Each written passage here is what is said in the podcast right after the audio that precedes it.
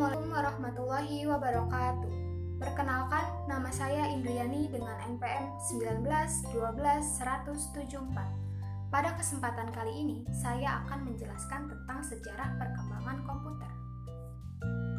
Komputer berasal dari bahasa Latin yaitu komputer yang memiliki arti menghitung. Komputer merupakan teknologi yang hampir digunakan dalam segala bidang pekerjaan Contohnya seperti bidang pendidikan, kedokteran, pertahanan, dan masih banyak lagi.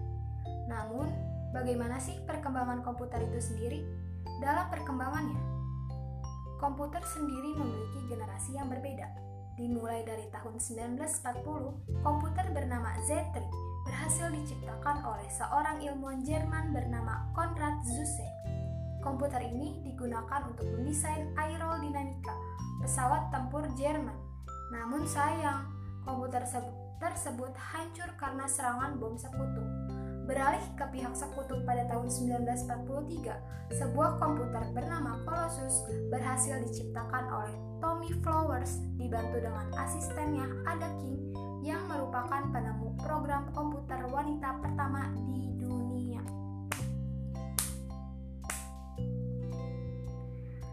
Kolossus ini dapat meretas strategi perang Jerman. Kolossus juga dipercaya telah membawa kemenangan sekutu pada Perang Dunia Kedua. Mulai dari sinilah banyak perusahaan yang mengembangkan teknologi komputer hingga akhirnya memasuki generasi kedua, vakum tube mulai tergantikan dengan transistor.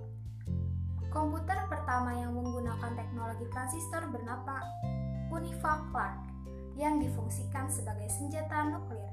Namun, seiring berjalannya waktu, peneliti menemukan kelemahan dari transistor.